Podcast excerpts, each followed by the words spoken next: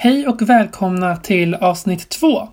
I dagens avsnitt tänkte vi faktiskt svara på en läsarfråga med frågeställningen Var går gränsen mellan att vara snäll och att vara dumsnäll? Eh, men först tänkte vi faktiskt diskutera lite om eh, rökning. Så sitt ner, håll käften och lyssna.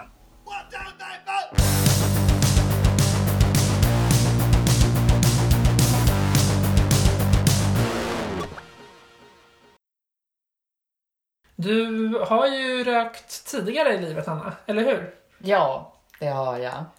Och eh, jag har aldrig haft en cigarett i min mun, så det här kanske blir intressant. Se om vi har samma typ av åsikter här. Ja, det är jätteintressant för jag, jag tror ju på något sätt inte att... Jag tror inte vi har det. Eh, för jag tänker just med rökning, vad har varit det största problemet med rökning förutom att köpa cigg? Det, det är väl var man ska stå och röka. Ja, Eh, och här har jag ganska starka åsikter. Ja, det vet jag. Och det, det har väl jag haft också. Jag kanske har mjuknat nu. Det får vi se under diskussionen om jag har mjuknat lite med det. Men jag vet, eh, när jag rökte, det största problemet det var ju att man började stänga ner ställen efter ställen efter ställen där, där man kunde röka. Att man i princip blev utputtad till eh, någon skamvrå där man fick stå och alla kunde stirra på en och det kändes nästan som de stod och pekade och skrattade om vilken loser man var. Och det tycker jag är jättehärligt. Eller kanske inte att de står och pekar och skrattar på er, men att jag kan få andas min friska luft där jag vill andas min friska luft. Sitter jag på ett café, då vill jag inte andas in rök. Jag vill äta min kaka och andas friskt. Ja, eh, exakt. Det, det var de här människorna som man hatade när man rökte. Eh, när man kunde stå i busskön och någon hostade lite extra bara för att visa hur äcklig man var.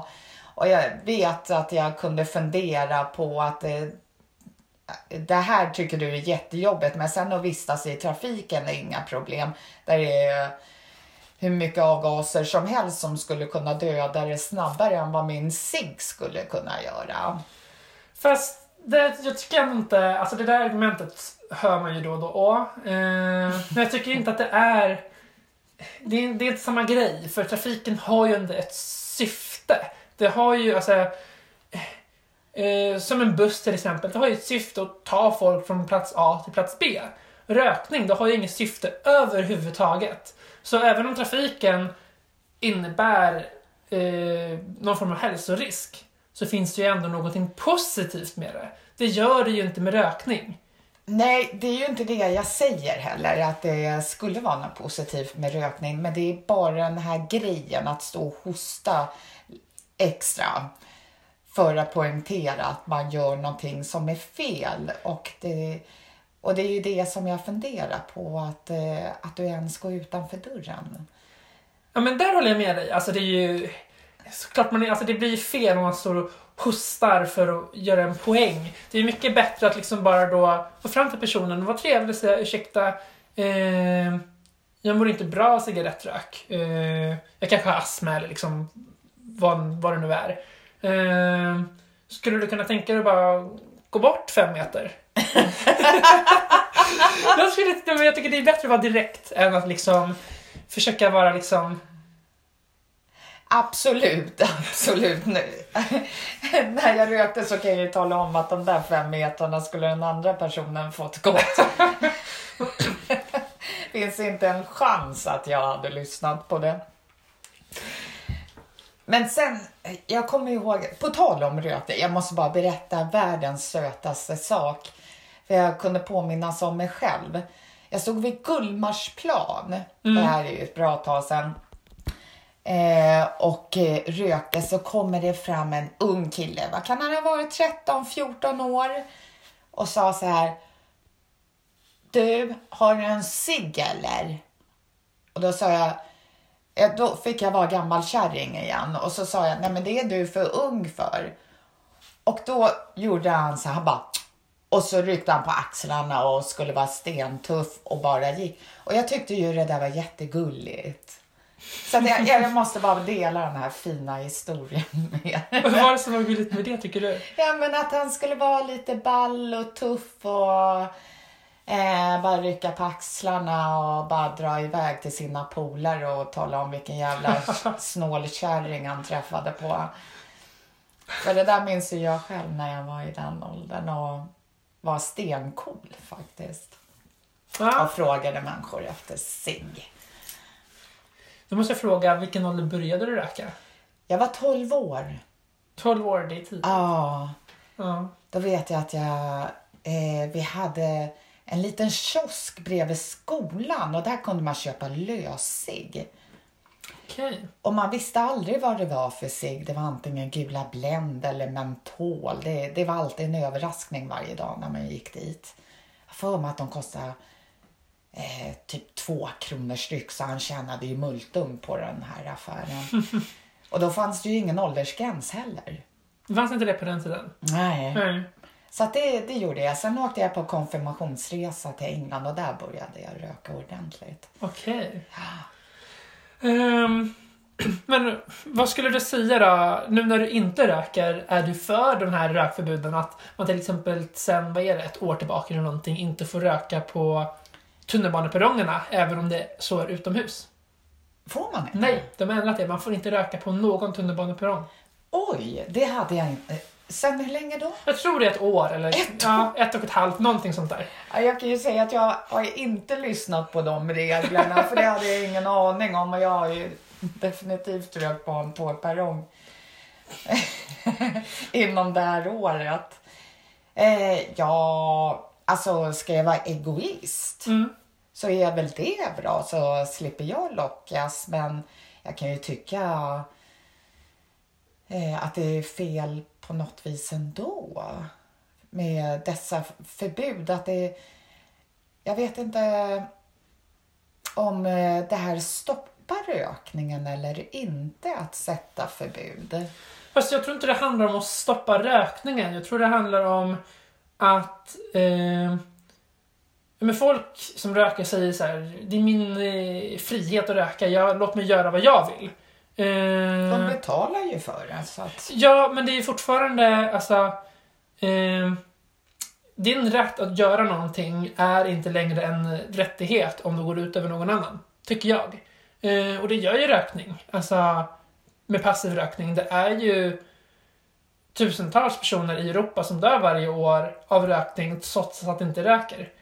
Eh, så det, det handlar ju det handlar inte om att stoppa rökning tror jag. Det handlar om att om jag inte vill stå på en tunnelbaneperrong, om inte jag vill stå och vänta på eh, tunnelbanan och andas in rök under tiden, då ska inte jag behöva göra det. Eh, då är det rökarens uppgift att eh, ha rökt klart innan den personen kommer till tunnelbaneperrongen. Kan jag tycka. Intressant, för att eh, jag, jag anser ju inte det. För att eh, jag kan tycka att om du lider av någonting då borde du ställa dig någonstans där du kan undvika det som skadar dig. Likväl eh, som jag gör, jag ställer mig ju inte mitt i trafiken för jag vet ju att det, det kan ju faktiskt skada mig om jag står kvar mitt i, på motorvägen. Så jag ställer mig vid sidan av.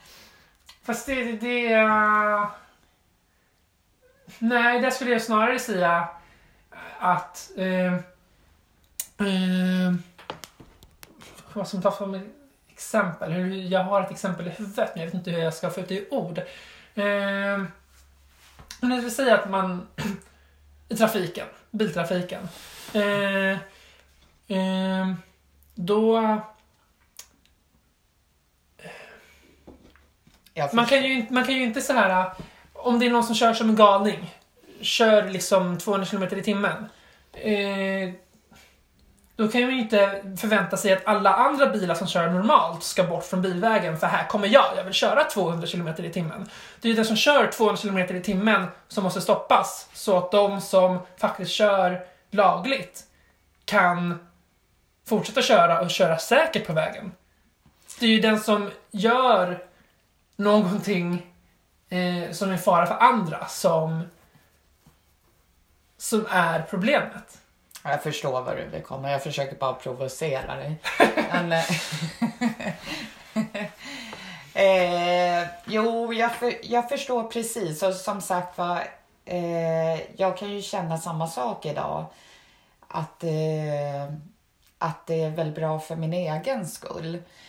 Eh, samtidigt vet jag ju när jag stått på busshållplatser och sånt, för där finns det ju, tror jag inte, sådana förbud. Eller? Har jag missat det också? Inte vad jag vet. Nej. Eller du kanske inte får röka i busskuren? Du vet inte? Nej. Jag vet inte faktiskt. Jag vet, nej, jag tror inte det finns någon sån här förbudslapp. Nej, det gör det inte. Nej, så att det är skillnad på kommunikationsmedel, kommunikationsmedel. Eh, men då ställer jag mig vid sidan av. Det, det är lite det där som jag kan känna och tycka nu är jag inne på min obstinata nivå igen då. Att, eh, att det är lite dumförklarande samhälle att vi måste sätta in de här förbuden på allting för att man på något vis inte tror att, eh, att eh, människan själv kan tänka själv. Och därför behövs det förbud, det behövs lappar, det behövs övertydlighet för eh, att eh, vi inte kan tänka själv. Eh, fast där skulle jag faktiskt vilja säga att eh, jag tror att det är nödvändigt. För det finns så många bevis på situationer där folk faktiskt inte kan tänka. Alltså, eh, ja, men det skulle ju inte behöva sättas upp lappar om rökförbud på tunnelbaneperronger om folk inte rökte på tunnelbaneperronger. Nu gör ju folk det. Så uppenbarligen fattar folk inte att det finns andra folk på den här perrongen som inte vill andas in din rök. Det är det jag menar, att det här har ju fungerat tidigare.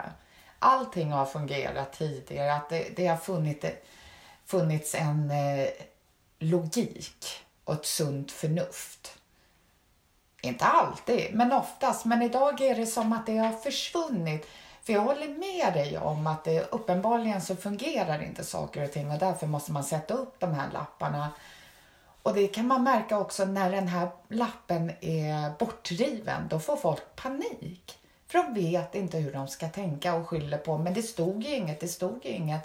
Och man vill säga, jo men vad säger ditt sunda förnuft?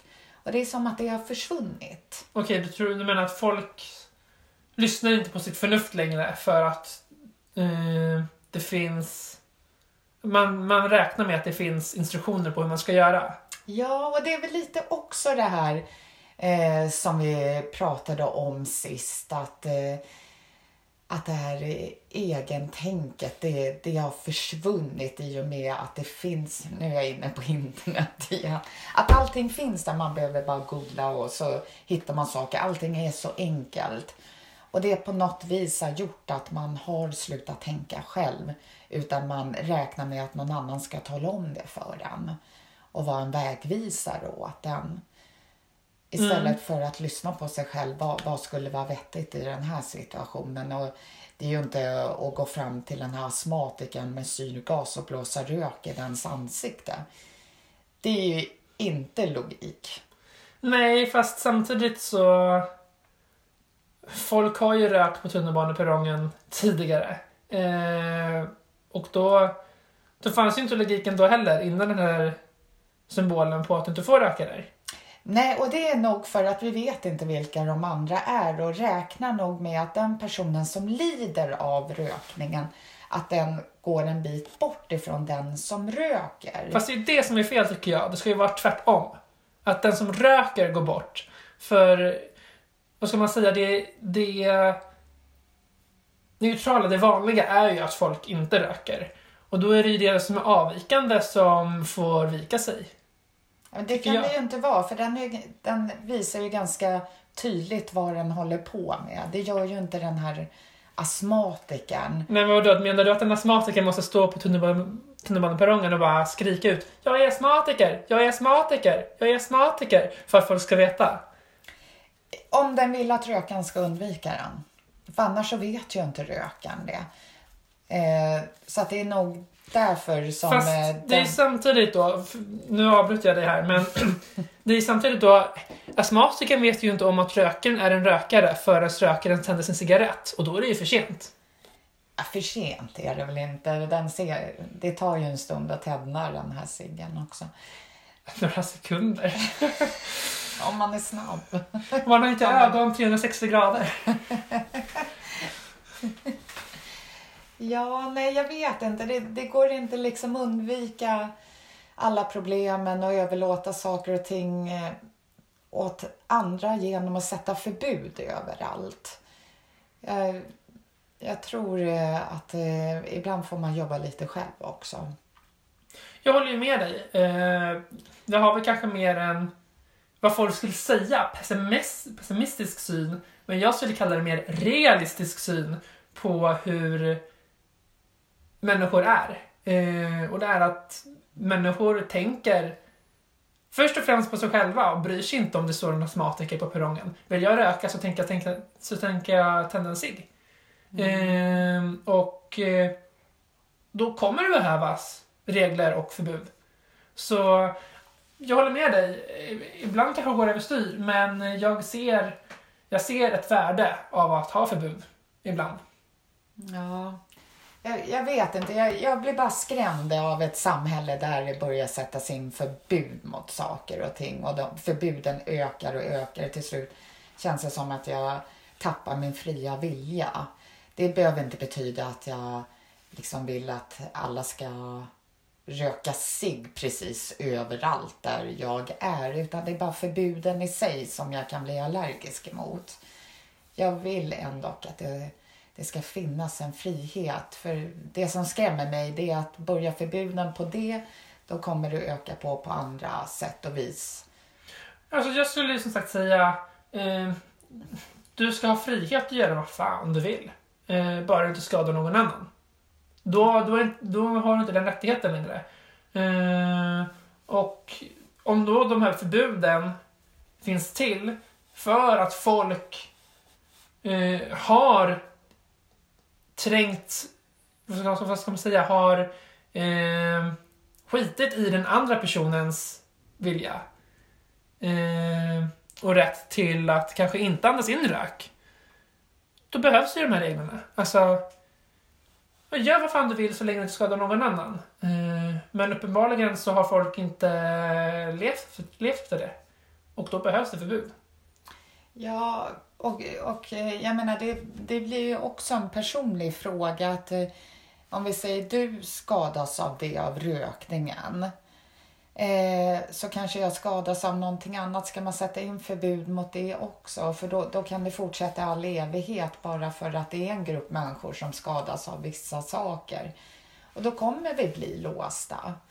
Jag tycker att vi, man istället ska jobba på att eh, informera och lära folk istället för att sätta in förbud och undvika själva problemet. För att det är en väldigt enkel väg och en väldigt farlig väg att sätta förbud.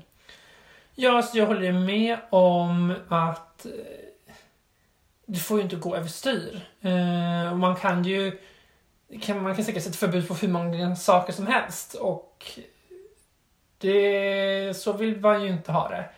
Eh, men ja, ur mitt perspektiv, jag ser det väl som att man får gå efter vad majoriteten tycker. Eh, alltså demokratiskt. Eh, om de flesta inte röker, då tycker jag att de som röker får, får rätta sig efter dem. Eh, och gör jag någonting som de flesta inte gör, då tycker jag att jag får rätta mig efter alla andra. Ehm, Men då, ja, nu är vi inne på politik. För Ja. är, är det demokrati? Ja, alltså demokrati har ju inte att göra med att se till att alla får sin... Nej, inte anarki, Nej. men eh, jag menar demokrati som du säger att eh, om mestadelen tycker si, då måste alla tycka si. I princip. Nej, inte alla tycka. Du får ju tycka vad du vill. Men alla måste rätta sig efter majoriteten. Så är det ju. Om, om ett om man demokratiskt eh, fattar eh, en ny lag, då måste ju alla följa den lagen. Även om du eh, tyckte annorlunda om den här lagen. Och du, du har ju rätt att tycka om den här, den här lagen. Eh, det är det som är demokrati, du, du får tycka vad du vill. Men om sen majoriteten har sagt något annat, då måste du ju finna dig i det. Absolut. Finns det lagar så ska man ju följa dem.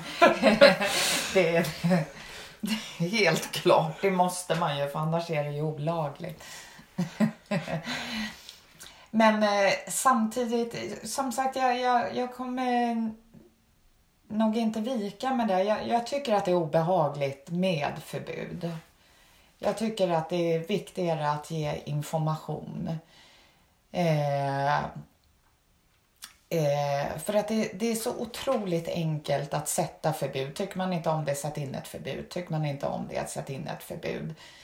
Och eh, till slut är vi slavar under förbuden. Istället för att lära oss att tänka själv och ta till oss information och utbildning och kunna agera själva efter vårt sunda förnuft. Och det tar man bort genom förbud. För att det är en enkel väg att gå. Ja, men som sagt, jag har väl den mer, vad jag anser, den realistiska synen att människor eh, tänker först och främst på sig själva oftast. Och eh, mm. då kommer man inte tänka på att någon annan kanske inte vill röka in en rök. Då man kommer tända cigaretten ändå. Och eh, då kommer det behövas förbud. Det är vad jag tror. Tyvärr. Ja, fast då är man ju inne på det igen. Ja, om man inte inser då att tänker att eh, Nej men eh, vadå, kan man dö av rökning? Nej men det, det skiter väl jag i liksom, mm. eller vad de tycker och tänker. Då kanske man skulle behöva lite information. Bara så att du vet, så gör det här skada. Vill du utsätta andra för det?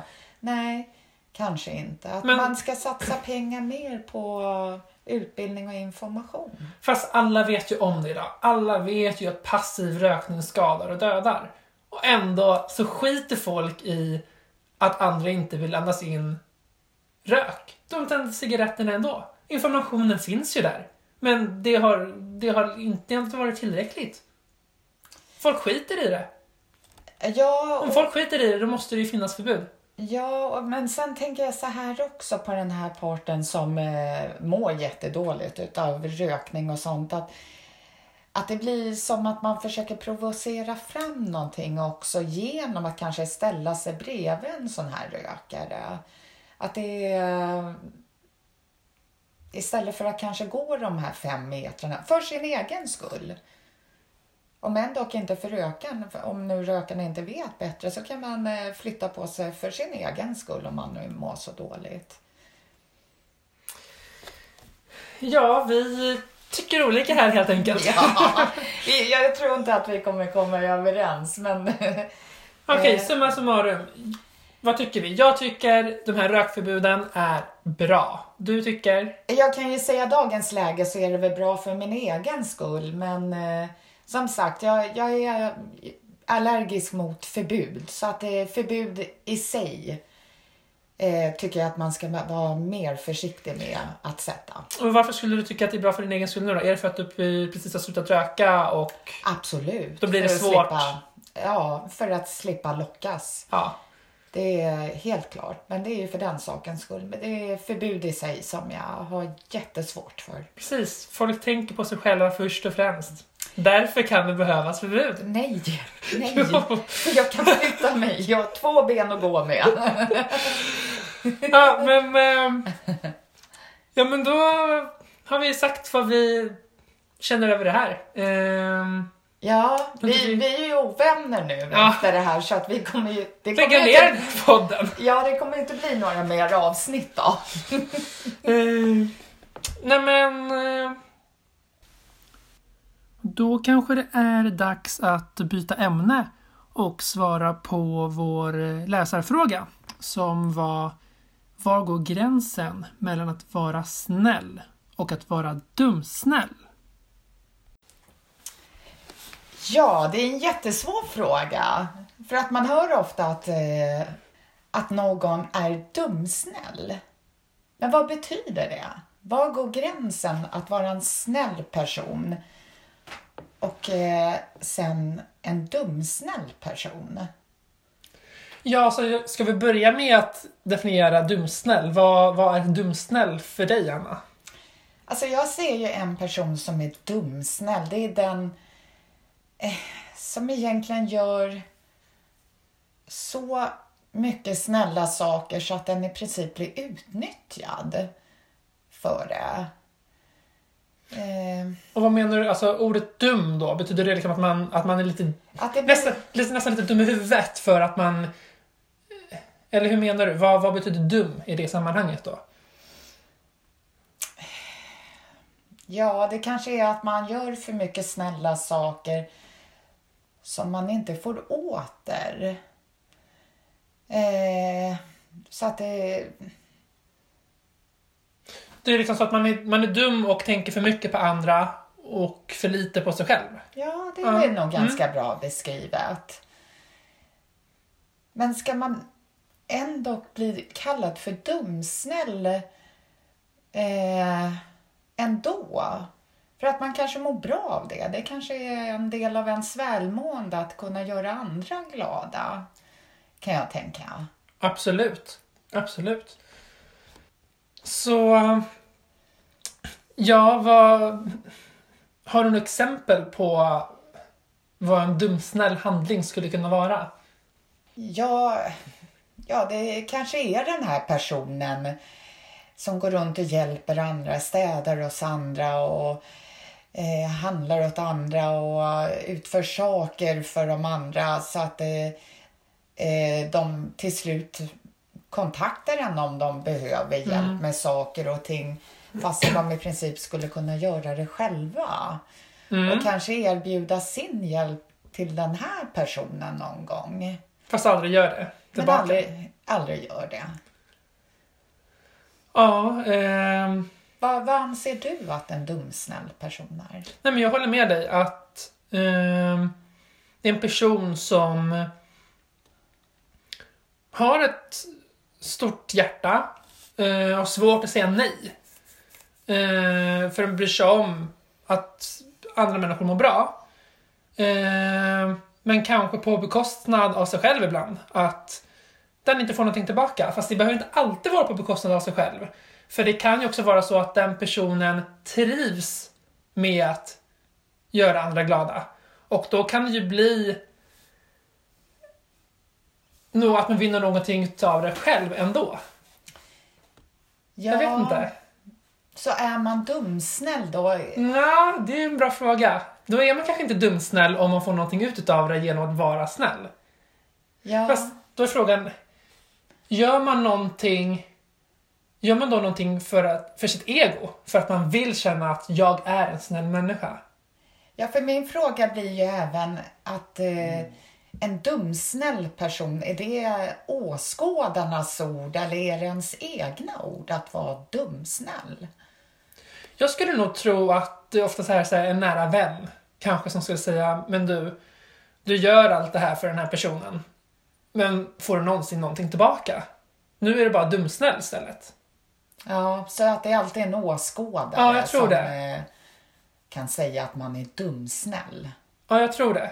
Ja. Sen, man kanske kan säga det själv, men jag tror att det är en åskådare, utomstående, som skulle få en att inse det. För då tänker jag att steget vidare. För som du säger, om det nu är en åskådare som säger åt en, ja men du är ju så dumsnäll. Och så känner kanske jag att, nej men jag mår ju bra i det, att hjälpa andra. Kan man säga att den här åskådaren anser en kanske vara lite dum i huvudet eftersom den måste påtala det här för en? Vänta, vad sa du nu? Att den här personen...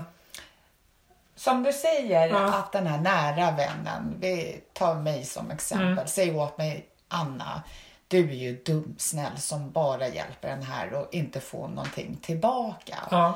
Men jag kanske trivs med att hjälpa andra. Kan man säga att den här vännen som har sagt att jag är dumsnäll, att den anser att jag kanske är lite korkad? Så att den måste påtala att jag är dumsnäll utan att ta för givet att jag vet bättre när jag ska säga stopp. Nej, jag skulle inte tycka att den personen tycker att du är korkad. Jag skulle bara ta det som att den personen bryr sig om dig och inte vill att du blir utnyttjad. Sen kanske personen inte förstår att du själv tycker om att göra det här. Men det, då måste ju det vara förstått att du måste tycka om att göra det här. Tycker du, tycker du inte om det själv så är det ju ett problem. Fast det är det som också är problemet, att de flesta som gör det här jag tror inte de ser sig själva som ett offer. Annars hade de väl sagt ifrån. Exakt, och det är dit jag vill komma. Att oftast kanske de här inte ser sig själva Mm. som ett offer utan de trivs ganska bra i att hjälpa andra utan att få någonting tillbaka. Mm. Så egentligen kan det bli ganska elakt sagt av de runt omkring en som kallar en för dumsnäll för då tar de ju för givet att man inte vill göra det här. Okej, så du, om, någon, om jag skulle säga det till dig, Mm. skulle du ta det som att jag säger i princip att du är, du är dum i huvudet som inte fattar att du inte får någonting tillbaka? Det skulle jag nog inte vid första tanken, men skulle jag tänka steget längre så skulle jag nog tänka att Daniel, han känner nog mig bättre än att ta för givet att jag gör saker som jag inte vill. Så skulle jag nog tänka. Men vad blir frågan då? Är frågan då, finns ens dumsnällhet? Ja, egentligen så är det ju så. Finns dumsnällhet? För eh, om man nu är dumsnäll, som vi tror, att det är den här personen som gör saker åt alla andra och till slut tar folk för givet att man ska göra de här sakerna för att man inte vet bättre. Mm. Då är det ju en ganska korkad person som är dumsnäll. Ja. Det blir komplicerat därför jag tycker det, nej men om, om personen inte känner sig själv som ett offer, är personen ett offer då? Det är det ju Nej, inte. precis. Det är ju inte, utan det är egentligen eh, Det måste ändå åskådarnas eh, eh, tanke. Ja. Nej men, ja alltså. Det finns ju inget offer skulle jag säga om inte offret själv känner att den är ett offer. Så då är väl frågan om någon säger till dig att du är dumsnäll. eh, för att de bryr sig om dig kanske. Eh, då, är, då är det väl upp till dig att tänka igenom det. Och kommer du fram till oj den här personen har ju rätt. Jag är dumsnäll. Då är du dumsnäll. Men ofta kanske du kommer fram till att nej men jag har ju velat göra det här. Och då har du inte varit dumsnäll. Nej, exakt. Och det är det som är lite min poäng. Att egentligen så, så säger ju de att man är ganska korkad som inte vet sitt eget bästa. Det är som att jag eh, skulle gå eh, till affären och köpa bullar. Och så säger du till mig, men Anna, vill du verkligen ha de här bullarna? Är du riktigt säker på det? För att du tror att jag, att jag vet inte bättre. Egentligen vill jag ha någonting annat men eh, eftersom jag är som jag är så köper jag helt fel sak. Det är som att jag skulle säga, men Anna vill du inte ha den här nyttiga smoothien istället? Ja, Ja. ja. För du tror att jag kan inte tänka själv och köpa den här smoothien. Mm. Ja, det är en intressant frågeställning det här. Ja, jag, jag hade nog inte kommit fram till det här tidigare men under vägens gång så började jag fundera vad dumsnäll är. Att, eh, om det är åskådarnas tanke om vissa personer så måste ju det egentligen vara ganska taskigt sagt. Att man förmodar att den här personen inte vet bättre än att göra saker som eh, den egentligen inte kan stå för. Och, Fast samtidigt så tror jag verkligen att om en person säger det till dig, då gör de det i välmening. De gör det ju inte för att vara taskig. Det tror jag. Säkerligen, men det är en annan vinkel Mm, ur det hela. mm. Ja, så jag tycker väl att frågeställningen har gått lite från nu, från vad går gränsen mellan snäll och dumsnällhet till finns, finns det ens dumsnällhet? Ja, och vad är det?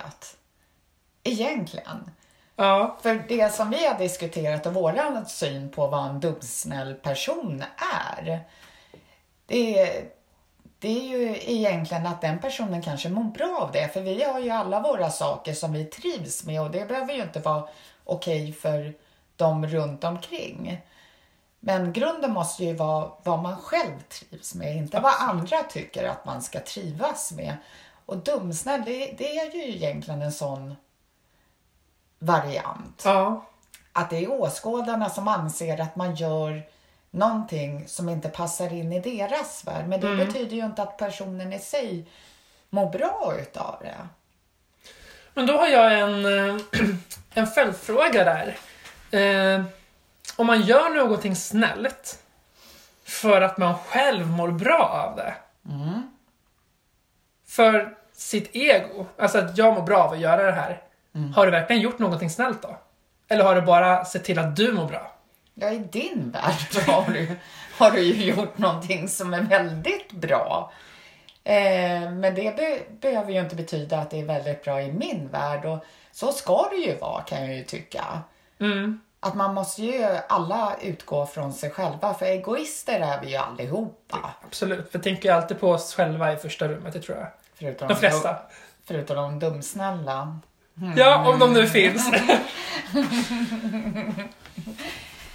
Eh, så att, eh, ja, det, det är väl upp till var och en kan jag tycka. För det, nu kan vi ju gå vidare på ett helt annat ämne nu när jag börjar tänka på det här med eh, att du säger att nej men jag gör någonting snällt men är det snällt i din värld? Och det tror jag också är ett problem idag att vi, vi vill gärna veta vad som är okej för andra runt omkring oss och utefter det så handlar vi fastän man kanske inuti känner att men det här kan jag inte stå för men eh, det är ju okej för andra så att då måste jag göra det. Att vi har sånt behov att eh, passa in. Ja, absolut. Ja, det gör vi ju verkligen. Och det har väl att göra med att människan är ett flockdjur. Tänker jag. Att vi vill verkligen passa in. Ja, Ja. och sen, sen kommer jag då in igen på, som vi pratade i förra avsnittet med internet. Att där har folk så otroligt mycket att säga vad som är rätt och fel och man får i princip inte ha sin eget tycke eller vilja för att då, eh, då blir man inte accepterad på olika offentliga forum och sånt där. Och då börjar du prata om någon åsiktskorridor nu. Ja, Du tycker att den finns? ja, det tycker jag. I vilket sammanhang? Eh, Jag, jag kan känna sådär att det, ibland kan jag nog tänka när jag lägger ut saker och sånt där på till exempel Facebook och liknande att jag får tänka mig för vad jag lägger ut. Okej. Om det är acceptabelt eller inte. Och det i sig gör ju att jag blir ju lite kvävd. För att eh, egentligen vill jag ju lägga ut precis vad jag vill och tycker. Men att det vinklas och... Men är det någon som verkligen stoppar dig från att göra det? Alltså du kan väl lägga det ut är vad ju du vill? jag själv. Ja precis, det är ju du Ja. själv som gör det valet att inte skriva vad du verkligen vill skriva. För att du är rädd att någon ska bli offended. Exakt, och det, det är ju det också att man måste passa in. Och jag tror att det är så mer än någonsin idag. Att man vill passa in i både tycken och tänk. Ja. Eh, jo men det håller jag med om. Att alla vill ju, eller de flesta vill ju passa in. Mm. Eh, och rädda för att bli utfrysta. Så då, då tänker man en extra gång på vad man skriver och vad man säger. Mm. Men nu, nu kanske vi börjar gå lite off topic här. Eh, Ja, of course. Eh, Okej, så dumsnällhet. Var går gränsen mellan snällhet och dumsnällhet? Alltså, jag skulle väl säga att gränsen går... Du vet, du vet själv var gränsen går för dig. Ja, Skulle jag nog komma fram till. Att om du... Om du inte mår dåligt av det Eh, om inte du mår dåligt av att göra mycket för andra och inte få någonting tillbaka. Nej men då fortsätt kör. Det är väl liksom... Då är du inte dumsnäll, då är du snäll. Om det inte är så att du kanske gör det för att boosta ditt ego. Då är det kanske en annan fråga igen. Är det det? Ja, alltså jag tycker ju att det är, det är lite skillnad på att vara snäll, eh, så här, äkta, äkta omtanke, eh, och att göra någonting för att jag mår bra. Alltså det finns ju folk som kanske gör gott för att de vill framstå som en fin människa. Och då är inte det, det är inte samma sak som äkta omtanke. Nej, då förstår jag var du är på väg. Att det är, ja, för att det, man ska vara en av godhetens apostlar, som Ja. jag brukar kalla dem. Eh, ja, nej, det har, tycker ju inte jag heller har någonting med snällhet att göra. Utan det är någonting som bara är synligt, men eh, inte mer än så. Ja, alltså jag tänker lite då, hade man fortfarande varit lika snäll eh, om ingen såg på? I många av fallen så tror jag ju inte det. Nej, precis. Utan jag tror ju att det är mer spel för galleriet. Ja, För att få alla de här smileysarna och tummen upp och styrkekramar och Mm. tända ljus. Eh, och eh, det finns ju inget riktigt i det. Så att, eh, ja nej det är sant. Det, det har ju ingenting med snällhet att göra överhuvudtaget utan snarare tvärtom. Ja. Kan jag tycka. För att det är ju på bekostnad av någon dessutom som man eh, eh, vill ha den här uppmärksamheten. ja, även om personen som man gör någonting för säkert tycker om det man gör, så är det ju ändå då lite att man har utnyttjat personen för sitt ego. Ja, men där kan ju, nu tänker jag steget längre i allt och det är ingenting som betyder att jag står för det eller inte utan det är bara en tanke. För om vi säger nu att man tar något foto ja, där man hjälper någon eh, fast man vet att det inte finns några grunder i det kan det inte vara bra att själva problemet uppmärksammas ändå så kanske är de som ser det som tar itu med det här problemet fast på riktigt. För det här problemet kanske inte hade synts annars. Mm. Det är bara en tanke. Ja. ehm.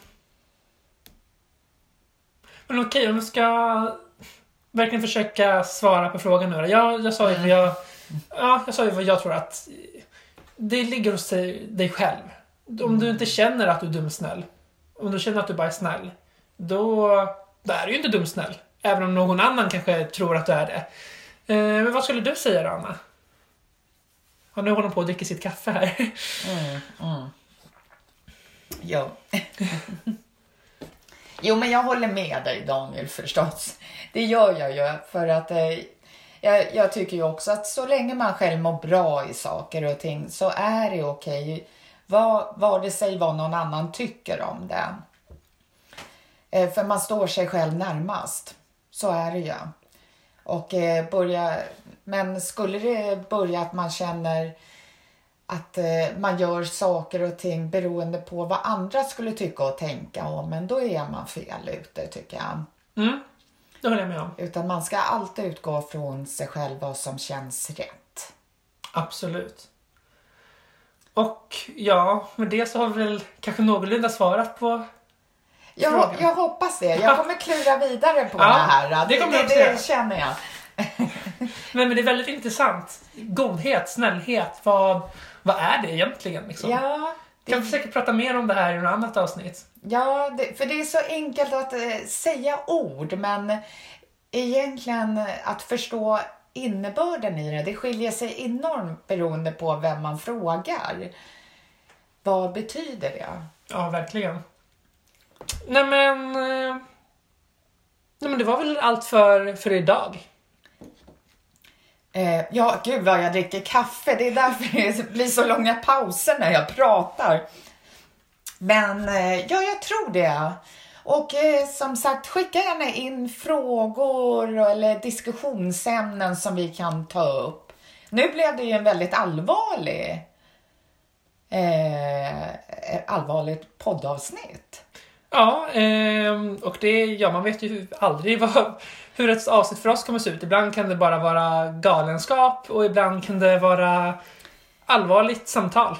Ja, ja men precis. Ja. Och jag är ju både obstinat och bitter. Så att det, och det här var ju verkligen ämnen som jag går igång på. Ja, Så äh, ja, men eh, vi ses.